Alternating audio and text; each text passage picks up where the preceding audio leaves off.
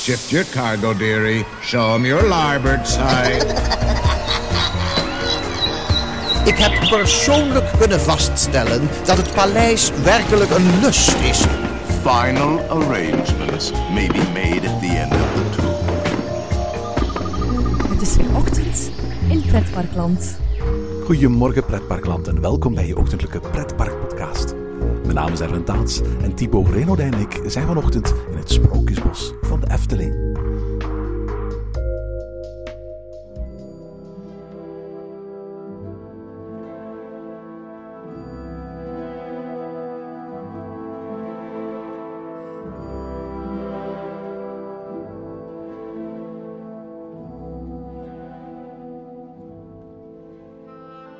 Op zaterdag 31 mei 1952 opende het hart van de Efteling, het Sprookjesbos. Een door Anton Pieck en Peter Reinders ontworpen oase van groen, waar tussen de bomen de vijf torens van het kasteel van Doornroosje priemen, waar de wolf op jonge, roodgekapte meisjes en op onschuldig ganzenborderde geitjes uit is, en waar elk kwartier de oneerlijke klecht slimme toon de bel luidt van de magische klok. Hier verwarmt een eenzaam kleinkind zich aan de gloed van zwavelstokjes. Hier woont diep in de put vrouw Holle. Hier dansen betoverende elfjes in Indische waterlelies de nacht door. Het Sprookjesbos is sinds de opening in 1952 steeds groter geworden. Wat begon met tien uitbeeldingen is nu een lijvig levend boek om door te wandelen met bijna 30 sprookjes. In Ochtend in Pretparkland trekken we al enige seizoenen naar het Sprookjesbos van de Efteling om er telkens eentje van dichterbij te bekijken. In de middeleeuwse natuurencyclopedie Der Natuur en Bloemen van de bruggeling Jacob van Maarland staat de draak als diersoort gewoon tussen alle andere dieren vermeld. In het echt heeft hij er nooit in gezien, maar Van Maarland beroept zich daarvoor op geschriften van kerkvaders zoals Augustinus, waarin draken zijn beschreven als de natuurlijke vijand van onder meer de olifant. Het geloof in draken is van alle tijden. Of zo'n draak nu Leviathan uit de Bijbel of Nessie uit Loch Ness is. Draken komen al voor in verhalen van de Sumeriërs, de Babyloniërs, de Egyptenaren, de Persen en de Grieken. En dichter bij ons zijn er de draken uit de Beowulf, de Vergut, de Sint-Joris-legende en in verschillende sprookjes van de gebroeders Grimm. Het is dan ook niet verwonderlijk dat je draken ook in de Efteling tegenkomt. Van Etna bij Joris en de Draak tot Draconicon in Ravelijn. En van de Chinese draak in Carnavalfestival tot de vliegende draak in de Magische Kijker aan de oevers van de Siervijver.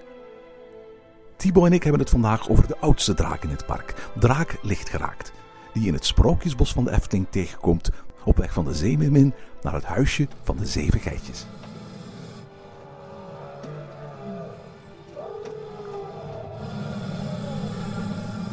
Goedemorgen Thibaut. Een heel goedemorgen, Erwin. We zijn aan het volgende sprookje in ons sprookjesboek aangekomen. En net zoals we de vorige keer bij de Zeemeermin het moesten hebben over drie verschillende iteraties, gaan we ook hier bij Draken Licht geraakt het moeten hebben over twee sprookjes eigenlijk. Hè? Ja, inderdaad. Ehm, enerzijds over het sprookje dat hier al in 1952 stond, hè, op 31 mei, eh, toen de Efteling officieel haar sprookjesbos opende. Eh, de Chinese nachtegaal. En anderzijds over eh, ja, wat er nu te vinden is, dus uh, de draak. Hè. Laten we eerst eens bij het begin beginnen. We zitten hier recht tegenover de, de vliegende draak, of de Chinese draak. Het woord draak licht geraakt staat hier nergens op een pijl of zo. Maar letterlijk 65 jaar geleden stonden op exact deze plek ook al kinderen voor dit muurtje, weliswaar niet te kijken naar een draak. Hè? Nee, ze zaten te kijken naar misschien wel het tegenovergestelde van een draak, een, een lieflijk klein vogeltje. Ja, de Chinese nachtegaal. Een sprookje dat we op dit moment ergens anders in het park uh, aantreffen. Uh, een sprookje dat door Ton van de Ven uh, in 1999 is toegevoegd aan het park. Maar oorspronkelijk op deze plek stond. Ja, inderdaad. de uitbeelding was ook helemaal anders dan, dan het, het, Chinese paleis van de keizer dat we nu aan het einde van het Sprookjesbos vinden. Um, het was inderdaad het muurtje, dus waar de draak nu op zit, eh, dat er nog stond. Samen met ook de gekrulde tak die we eigenlijk onder de draak eh, ook terugvinden. En op die tak zat eh, de Chinese nachtegaal, dus het kleine vogeltje dat een prachtig gezang voortbrengt. Ehm, en telkens als de nachtegaal dus zong, toen in 1952, gingen er bloemen open die zich ja, eigenlijk ook vlak bij de nachtegaal bevonden. Hè. En die bloemen die zo vanzelf opengaan, dat is uiteraard een effect dat we her en der in de Efteling en ook in de geschiedenis van de Efteling eh, kunnen waarnemen. Hè? Inderdaad, eh, bij mij weten zijn er nu drie plekken waar je het kan terugvinden. Je kan het terugvinden bij de huidige uitbeelding eh, van de Chinese nachtegaal, dus in de tuin van de keizer. binnen weliswaar. Je kan het terugvinden in het spookslot, in de hoofdshow. En recent eh, kan je het ook terugvinden in het eh, botanicum van Symbolica. Zou je ook mogen zeggen dat de Indische waterlelies op een of andere manier zo'n bloemen zijn die opengaan? Ja, hè? Ik vind van wel. Al moet ik wel zeggen dat ik vind dat de bloemen die telkens gebaseerd zijn op de bloemen van de Chinese nachtegaal hier, allemaal dezelfde soort bloemen zijn. Ja, ja, ja, ja, ja. Van, die, van die Oosterse. ja, ja, ja. En de, eh, en wat, de, wat, wat vleesetende planten uitziende bloemen. Hè? ja, inderdaad, ja. Ehm, en, en de Indische waterlelies, ja, dat zijn echt waterlelies. Maar ja, voor mij part mag je, mag je ze daar ook bij, bij, bij voegen. Want, want ja, ze gaan wel vanzelf open en dicht. eh, ja, zeker weten. Dus dit muurtje, het is, het is in de loop der jaren wel een aantal keren afgebroken en opnieuw gebouwd. Maar het heeft, het heeft er altijd ongeveer uitgezien zoals het er nu uit, uitzag. Daar stond een tak voor, die staat er tot op de dag van vandaag nog altijd. Ik heb het altijd erg fijn gevonden dat de Efteling die, die, die, die, die tak van de, de- van de Chinese nachtegaal, ook al zit het vogeltje er al lang niet meer op, wel in ere heeft gehouden. Iemand die het niet weet, die wandelt aan voorbij en zegt van... Hey, dat is een tak die daar staat. Maar, maar, maar voor, voor luisteraars vanochtend in Pretparkland en liefhebbers van, van de Efteling voegt dat zo'n heel klein beetje historie toe. Hè? Ja, het is ook een echte piekse zo. hè. Het is zo knoestig met veel, eh, ja, lekker klein mopper rond. Ja, en zo. gekronkeld en zo. Dus het past perfect. En ook heel tof is, is eh, op, de, eh, op het muurtje staan vier gouden draakjes. Een, een, een uitbeelding van, van draken die je terugvindt in, in de oude vlag van, van, van, van China. Die geloof ik tot aan het begin van de 20e eeuw eh, door China gebruikt werd. En uiteraard is dat een hele mooie verwijzing naar de Chinese nachtegaal. Die ook tot op de dag van vandaag hier in het sprookje de uitbeelding van Draak Lichtraakt is, is blijven bestaan. Hè? Ja, zeker. En die gouden draakjes hè, die op de muur staan, die lijken ook gewoon eh, op de draak die er nu staat. Ik, ik, eh, aan de ene kant zou je kunnen zeggen van ja, het is allemaal zijn Chinese draakjes. Wat doet zo'n Chinese draak bij een duidelijk Europese eh, eh, draak? Maar als je een beetje afweet van de historie van dit sprookje, is het eigenlijk wel heel erg fijn dat dat, dat in ere gehouden eh, wordt. Het is ook nog altijd zo dat de kist die je moet aanraken om als het ware de draak op te wekken, dat die zich bevindt in het decor waar, waar vroeger die, die verschillende, ik geloof dat er tien verschillende bloemen waren. Hè? Ja, en, en ja, dat element, die kist, is toch niet onbelangrijk, aangezien dat we daarmee de draak tot leven kunnen wekken en hem rook kunnen laten uitblazen. En natuurlijk ja, een angstaanjagend geluid kunnen laten voortbrengen. Hè. De Chinese nachtegaal is op een bepaald moment verwijderd uit het sprookjesbos. De- exacte reden is daarvan niet bekend. Sommige mensen zeggen dat het om een technisch probleem eh, ging. Eh, volgens andere bronnen is het zo dat het sprookje verwijderd werd gewoon omdat het eh, in die tijd niet meer voldeed aan de eisen van hoe een modern sprookje eruit moest zien. En dat uiteraard een grote draak gezeten op die muur een behoorlijke upgrade was in vergelijking met, met, met dat kleine onogelijke vogeltje dat op die tak zat. En in 1979 volgend jaar, eh 40 jaar eh, geleden, kwam hier dan uiteindelijk deze Piekse van de Ventse draak te zitten. Ja, inderdaad. Eh, het was dus een idee van Anton Pieck, hè, die draak. En eh, Ton van de Ven heeft het dan eh, ontworpen. Ja, Tom van de Ven heeft dat ontworpen. Ondertussen zijn toch in een aantal eh, jubileumboeken illustraties verschenen eh, van een eh, draak ontworpen door Anton Pieck. Waarvan ik zelf vind dat ze wel heel erg lijkt op deze draak. En waardoor je je kunt af gaan vragen in hoeverre dat je dit ontwerp wel 100% Ton van de Ven mag noemen. Hoor. Het zal wel een samenwerking geweest zijn, ja, zeker. Een van de dingen die, die vaak niet gezien worden aan, aan, aan deze draak. ehm, en die, eh, zeker als je in de lente naar de Efteling gaat, echt het bekijken waard zijn, dat is de staart. De staart bevindt zich bijna volledig achter het muurtje. Het kronkelt zich om het muurtje heen, maar is tot in de kleinste details afgewerkt en is, is, is ziet er fantastisch uit. Eigenlijk heel erg goed te zien op het moment dat het lente is en er geen bladeren aan de bomen en de struiken zitten, vanuit het kabouterdorp dat hier aan de achterkant aangrenst. En van, van in het kabouterdorp he- heb je dan in de lente eigenlijk een prachtig uitzicht op de achterkant van dit tafereeltje. En dan zie je hoe detailistisch die staart eigenlijk is afgewerkt.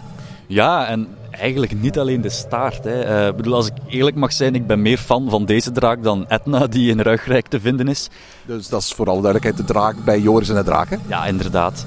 Ehm, deze draak rolt met zijn ogen, zijn tong uh, zwiebert lekker uit zijn bek.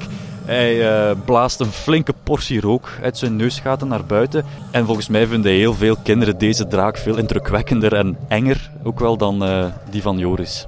Ik moet wel zeggen, van, van, ik, ik, heb, ik heb nooit iets tegen de uitbeelding gehad van de draak in het moeras bij Joris en de Draak. Wat wel opvalt is dat voor een bijna 40-jarige deze draak het nagenoeg permanent heel erg goed doet.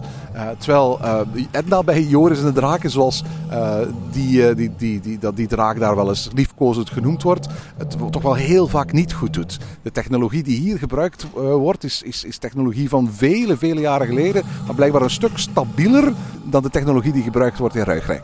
Ja, en inderdaad, we zien het nu. Hè. Vanaf dat die draak begint te bewegen en, en zijn geluid begint voor te brengen, dan deinzen die kinderen altijd zo toch wel een beetje achteruit. Hè. Dus je bent er ook vlakbij en die draak die kijkt jou echt aan als je, als je daaronder staat. Dus als je ja, een meter groot bent, is dat toch wel uh, best, best impressionant. Ja, het geluidseffect hebben ze ook zelf gemaakt door het geluidseffect van opnames van een, van een gorilla en van een slang met elkaar te combineren. Waardoor je zo tegelijkertijd als het ware dat angstaanjagende basgeluid hebt, als dat enigszins mysterieuze sisgeluid. Ik denk dat die combinatie inderdaad zorgt voor een hele mooie, uh, eenvoudige, maar, maar herkenbare soundmix die bij zo'n fabeldier als deze draak past. Ja, inderdaad. Het geluid van, van de draak hier is, uh, zeer herkenbaar.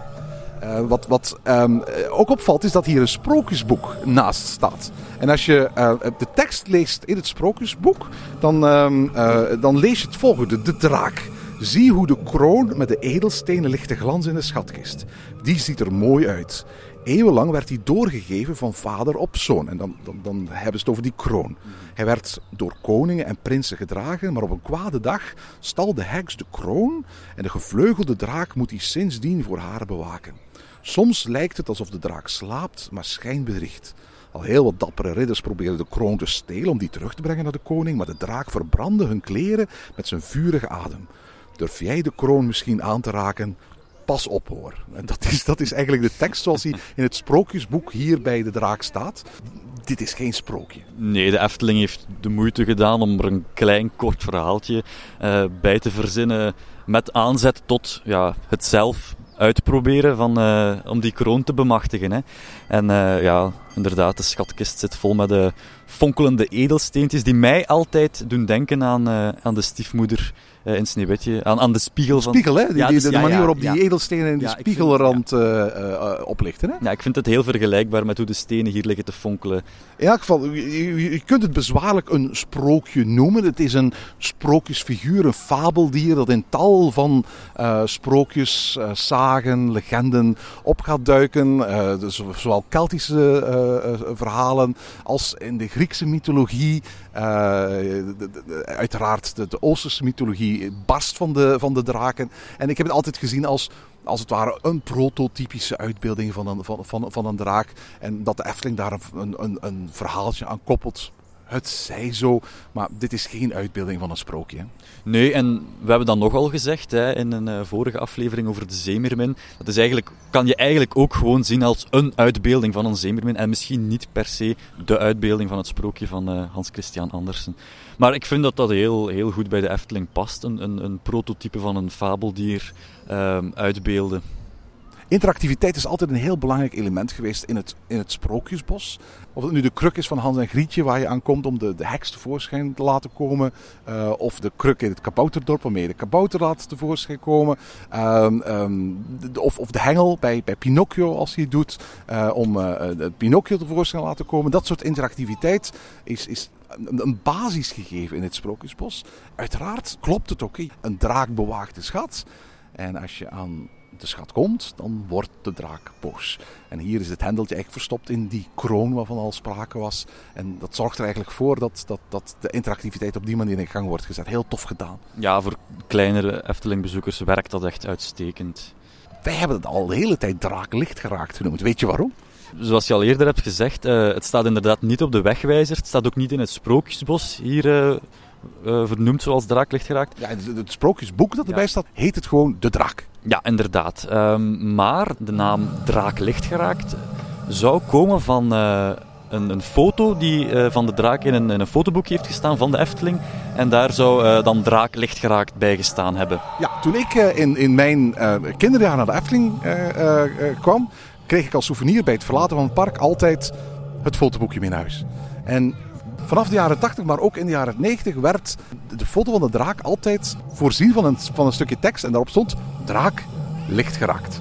Ehm, eh, een beetje rare constructie. Het, bijvoeglijke naamwoord licht geraakt staat achter het zelfstandig naamwoord. Waardoor je bijna zou gaan denken van dat licht geraakt de naam is van eh, de, de draak. Eh, het is een poëtische constructie waarbij eigenlijk eh, de, schrijver gewoon bedoelde... het is een licht geraakte draak. Maar op een of andere manier die, die, die, die samenvoeging van eh, draak en licht geraakt en die bijzondere positionering van dat bijvoeglijke naamwoord heeft ervoor gezorgd dat in het gemeenschappelijke Efteling geheugen van tal van bezoekers na een tijdje deze draak bekend kwam te staan als draak licht geraakt. Ik denk dat het zo, zelfs zo is dat voor veel mensen eh, de naam van deze draak ook echt licht geraakt is.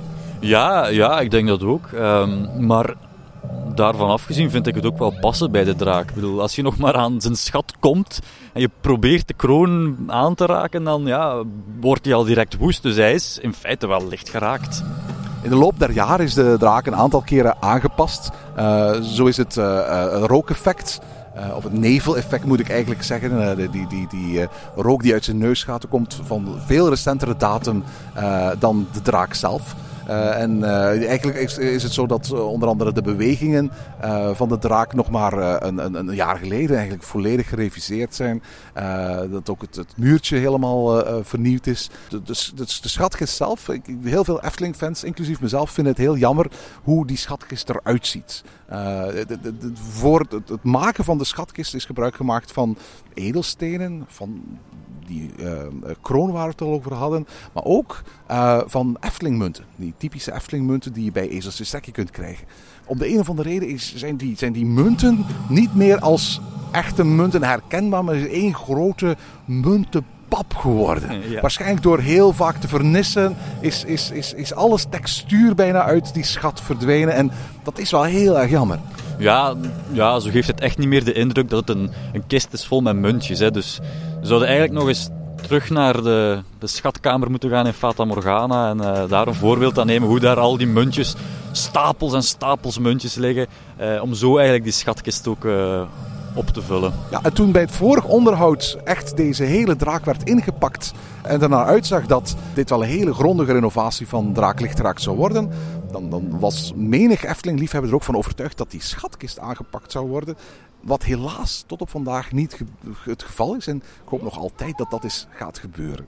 Maar daarvan afgezien eh, denk ik dat we toch kunnen zeggen dat dit een, eh, een vrij geslaagde, mooie, eenvoudige, ook wel eh, uitbeelding is hier in het Sprookjesbos. Absoluut. Als je, als je, als je gaat na gaan denken van wat zijn nu de meest iconische sprookjes in het Sprookjesbos? Dan denk je aan het kasteel van Doornroosje. Dan denk je waarschijnlijk aan de figuur van Langnek. Dan ga je waarschijnlijk Roodkapje noemen. En dan moet de draak lichtgeraakt hier ook in dat lijstje passen. Hè. Zeker, want eh, als je mensen vraagt naar Efteling herinneren, dan vind ik toch wel dat die draak heel vaak terugkomt. Ja, ik merk ook voor mezelf dat ik eh, heel vaak foto's maak van, van, van, van die draak. Ik vind het een bijzonder fotogeniek wezen. Maar ik vind het ook op een bijzonder mooie manier ingeplant in het Sprookjesbos. Met dat, met dat vrij grote pleintje. Het is een open plek in het bos, bij wijze van spreken. Er is een gracht omheen. Eh, er is plaats voor veel mensen om te kijken. Eh, en alle mensen zijn gefocust op die ene, dat ene grote groene wezen boven op die muur. Eh, geweldig is het hier. Ja, zeker. Ehm, misschien moeten we dan toch ook nog even vermelden voor de luisteraars die dat nog niet weten. Eh, als je naar de draak aan het kijken bent, doe dan ook eens de moeite om achter je te kijken en kijk dan eens omhoog. En dan kan je, als je goed kijkt en als er niet te veel bladeren zijn aan de bomen, dan kan je tussen de bomen ehm, een, een bezemsteel van een heks terugvinden. Hè? Absoluut. Een gestrande heks die hier uh, eigenlijk ook aan het eind van de, van de 20e eeuw terecht is gekomen bij een grote poetsbeurt van de parel, zoals de Efteling dat zo graag uh, noemde. Uh, men, men heeft toen tal van kleine effectjes toegevoegd, overal bij tal van sprookjes, maar ook langs paden en wegen in het sprookjesbos, waarvan de vuurvliegjes, die alleen in het donker zichtbaar zijn, tussen Hans en Grietje en, en vrouw Holle mijn favoriet effect is.